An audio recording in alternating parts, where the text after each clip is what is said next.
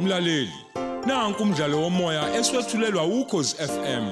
Osihloko sithi izindonga ziwelele. Obhalwe ngubheki wakamsana.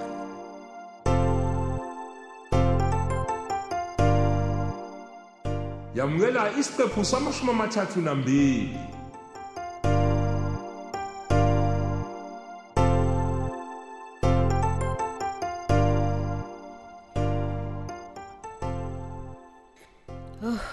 Uyazi mseshu njoko Yeah. ngizizwa nginamahloni sengathi nje kukhona umuntu ongibonile ngezinto ezihlazo Awu. Usukhuluma ngane ke manje? kodwa ke phela nawe ngizokutshela nje ngoba umuntu wesifazane futhi ungakabajayeli abantu kule ndawo Khuluma, kwenzakaleni? mhlawumbe ngikunikeze nje umlando wami kancane Mhm. bengingabafuni nje mina abantu besilisa kodwa ngishadile ongangokuba ngize ngazama ukulobola omunye umuntu wesifazane owayifundisa nomyeni nami kwagcina ngingalungileke Hayi, kona ngake ngayizwa leyo ndatshana. hawu konje wawusufikile nawe Yeah, ngase ngikhona impela. ya hayi manje ngiyabona nje ukuthi siqala ukubuya ke imizwa yami yesifazane Mhm. kukhona iphathi esake saya khona waye khona ke futhi ukapteni Mkhize noZondi ke lo wayomyeni wami phela Eh, ngiyabona ukuthi uZondi wathatha ngamawala wagcina esedakiwe kwabonakala ukuthi ke uzowela phezulu kwamatafula phela manje alimazwa amabhodlela. Mhm. ngabe sengiyamthatha ke ngayomlalisa phela ekameleni. Hayi ke sisi okwathi singena ke nje lapho wavele wangibhozomela engiqabula. Hawu! Sagcina silalile ke Emzini womuntu. Hey ngiyakutshela wena. Uyabona ke manje kungibangela amahloni kakhulu.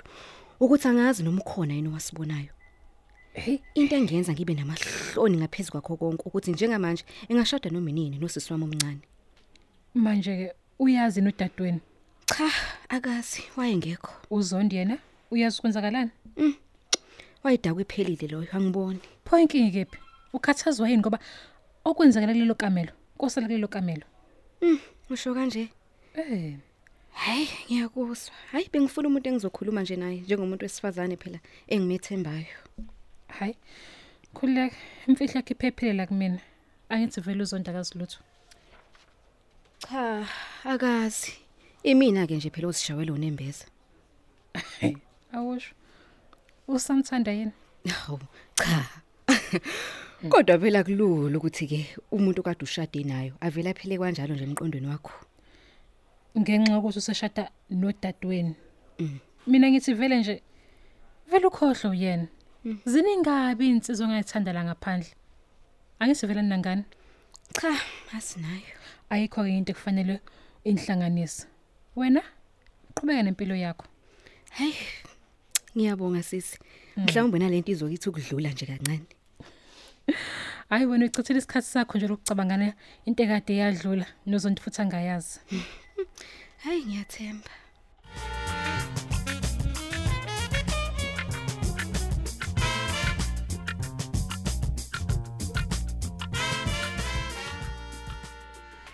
Wemahlobo. Ya. Nina nike nithinte. Mhm. Kuyenzeka ukuthi uvela uthi utshwala usuyabiyeka nje. Hawu, kodwa zinhle waziniyo ngotshwala wena.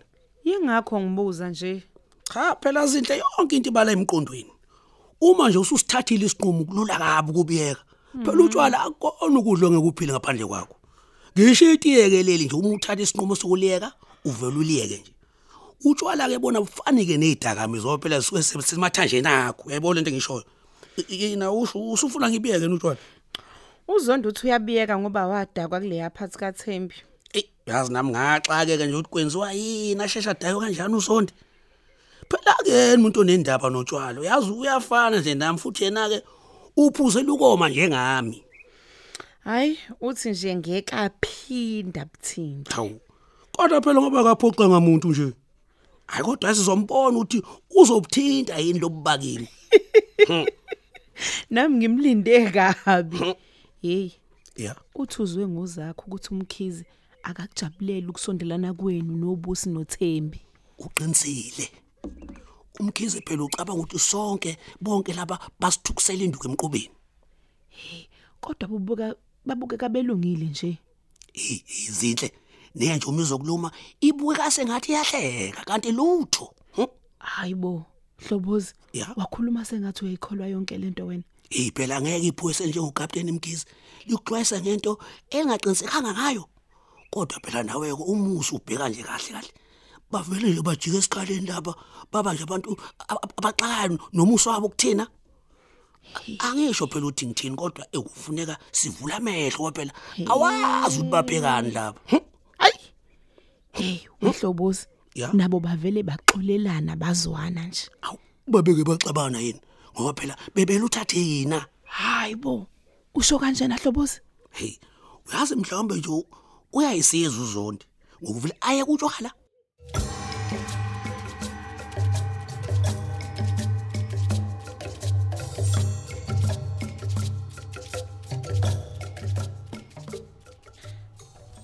Captain, Yes detective Njogo. yazi phela awubange usasho ukuthi kwakunjani ephathini kaThembi. Hayi kwakumnandi kona. Oh, sayitika nangenyama. Nabantu bonke bayiphatha kahle. Angibonanga lutho ntombi. Yazi we Captain, Yes. ubuke wathi angeke uzuliphonsa ithawula ecaleni likaMnumzana uMzobe. And that's true. Ngeke ngiliphonse ithawula. Kodwa abantu abambulala angeke bangishaye ngaphansi kwebhande man. Ngokuxosha uphatha. Awubuke nje manje. Umuntu usole empampathe bambeyeke funisela engazi uthi uyimfunda makhwela. Hey. Mawucabanga naye nozakho saphephile. Sizokwazi kanjani? Kodwa inhliziyo yami ithi basamfuna. Naye ke ubukeke sekhululekile nje. Ekholwa ukuthi akasenankinga. Eh inkinga enkulu we detective ile yokungena ephuma kukaThembi emzini kazaka. Yonke into eyenzeka ngaphakathi usezayazi manje yonke. Kodwa ke phela Captain, angiboni ukuthi sebengazama ukumbulelela khona ekhaya. Ngeke. Kodwa njengoba esekhululekile nje ehamba noThembi emotweni yakhe usezulelwa amanqe. Kuyoba ngazi ukuthi igebengu beyifuna imoto zambulala. Ngisho ushevu nje lo angawudla manje. Kodwa ke kungcono ngoba sengimqwashisile. Manje awusho bayatholana kodwa uKenneth nodadewabo. Kubukeka kanjalo kodwa uKenneth lo engimaziyo hayi angisho ukuthi uyakujabulela ukwazi ukuthi udadewabo uzoshada nowaye ngumkhwenyana wakhe no no no Kodwa ubona ukuthi usengawenza umonakalo. akulula ngoba wathi sedlile umkhonyane ephathini wamhambisa ekamerweni Hayi, ngiyakuzwa. Cha, kuzofuneka nathi siyamaphoyisa sivula amehlo. that's good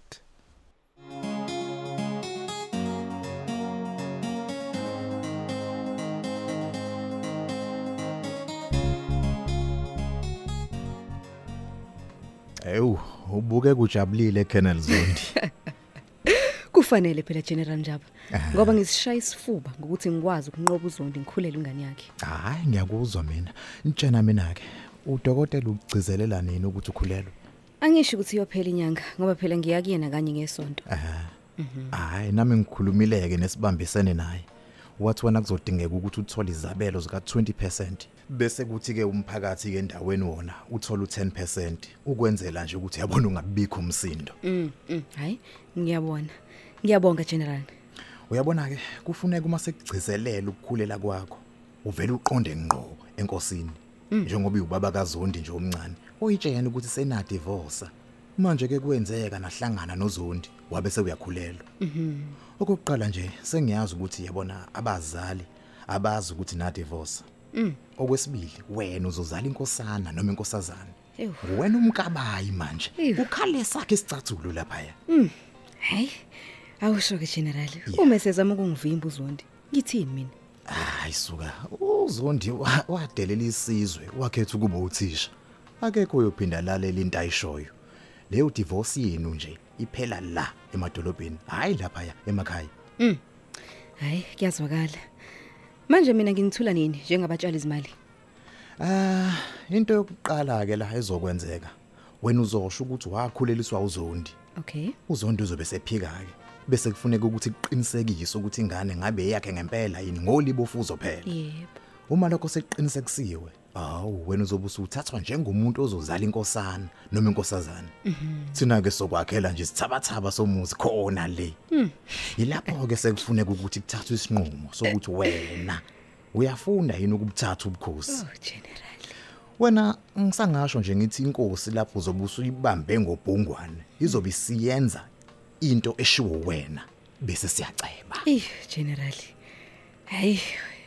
Awushoke. Kuyobe sekwenzekani ke kuzondi phela nodadewethu lo? asuka ukuthi bayashada noma bashadi akungakhathazi lokho Mm, phela bangiphuca inkampani yami kwakha lapha. ya ngiyakwazi lokho kukuwena ukuthi uyafuna yini ukuyithenga kodwa ke uzobe ungasenaso isikhathi sayo ngoba lokhu okuzombiwa lapha ya kuzosenza sicebe sonke mhlambe ke inkinga sengingabe lo dokotela okwenze wakhulelwa Ah, khululeka ngaloyo. Nginalo icebo ngaye. Mhlawumbe futhi ngingakazi umuntu nokuthi ngikhulelwe.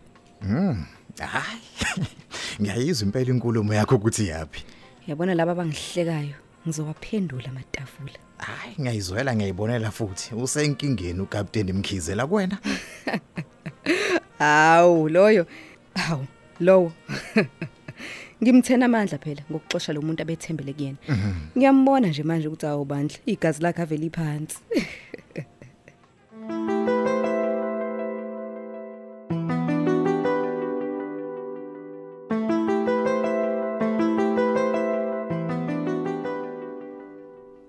hey bafo Bafo. yazi inhliziyo yami ithi masemlalela ukapteni Mkhize njengoba esixwayisile usho kanje bafo ngiyazi ukuthi phela bekuyisifiso sethu kuyemumulweni kaAnela kodwa ngithi bafo hayi hayi hayi asingayi hayi bafo kodwa uthi akazophathe kabi uanele?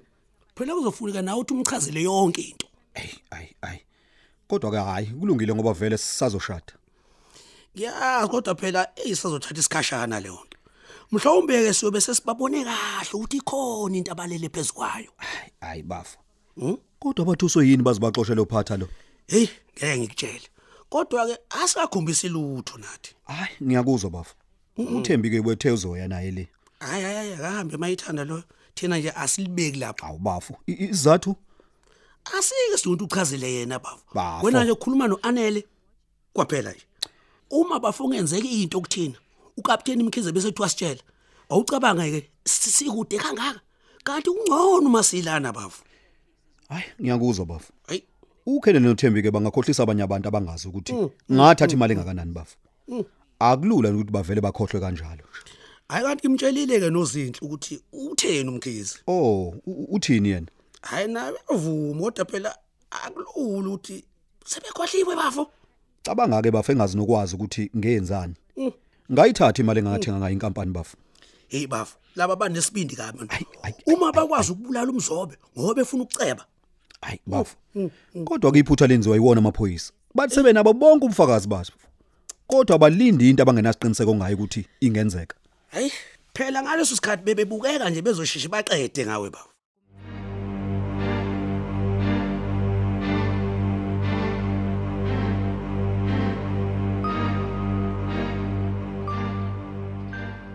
Eh uhambe kahle. Kahle kakhulu. Futhi nje senginikeza u20% wezabelo kule yamayini. Abantu ke bendawo banikezwe u10%. Hawu nazoke. Napa abantu bokunika ibusiness. Hey mfethu nami ngisho njalo. Lalela ke. Manje sekufanele sakhe icebo phela lokuthi kuvele ukuthi ngikhulelwe. Usho ukuthi eh mangabe mhlambe usukhulele akudingakala mhlambe vele uye esibhedlela kube yibona abaqiniseka ukuthi ngempela ukhulelwe. Mm. Ngingabe ngisalinde udokotela wami? Hayi ungaya phela noma sewazi. Mina ngenzela nje ukuthi kuwe nobufazi obuqandula ikhanda ukuthi ngempela usukhulelwe. Mm. mm, mm. Hayi, ngiyakuzwa. Into enhle nje ukuthi phela ngamtshela ukuthi ngiseshunjokho ukuthi ngalala noZondi. Seke kuyena ke yohlebela umkhizi. Noma nje ngakaqiniseka phela ngolibo fuzo likaZondi. Hawu, uyabona manje amatafula azophenduka. Oh revenge. Sweet revenge. Hey ngiyashe ye ye ye kusho ukuthi phela hey kibe sekuphelile phasi kaZondi nozinhle yazi. Awu, lokho akubuzwa. Angithi phela bengenzela ukuhlakanipha nje. Yayise ngase sengiyambona nje uZondi esephika bese kuvikela ngokuthi hayi maqiniseke lokho. Yazi bayihlokoza. Okunye ke ngingakutshela ngakona wethembi ukuthi uma sekuqinisekiwe ukuthi ingane kaZondi labantu bami laba bazongakhela isithabatha abasendlu le ekhaya ukuze Ah. phela nabo mangabe befika bathola indawo yokulala Hayibo. ngiyakutshela wena Hey ayesakhali zahayiza ke manje. Awu, manje. Yazophenduka amatafula yezwa. Manje ngempela uzokuthatha lo bukhosi. hayi angeke ngoba phela angifuni kulokho kuphikiswana yabo Okay. abanye abantu emakhaya abayifuni indaba yo- yenkosi yomuntu wesifazane mina ngizoba umkabayi ngilokho ngikhomba nje lokho Ngizwakala. nalokho lokho nalokho Ngiyakutshela wena.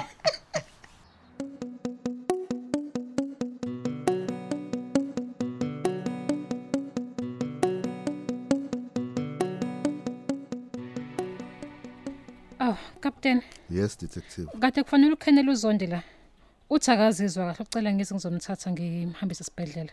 Useqaleni nini manje ukucela wena Hayi Kapteni ngiyabona wenze lutho wazi ukuthi akaphilile. hayi ke isimanga ke lesi ngoba phela uhlale ngene ephuma la Eh manje Kapteni ngenze njani? Ngimlande. hamba umthathe mhlawumbe ukugula kakhulu nje Mase ngifikele khona ngimlinde noma ngimshiye. umlinde uma bengamlalisi ubuye naye Hayi kulungile Kapteni.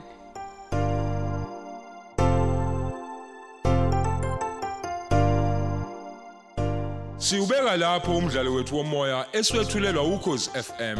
Osihloko sithi izindonga ziwelele.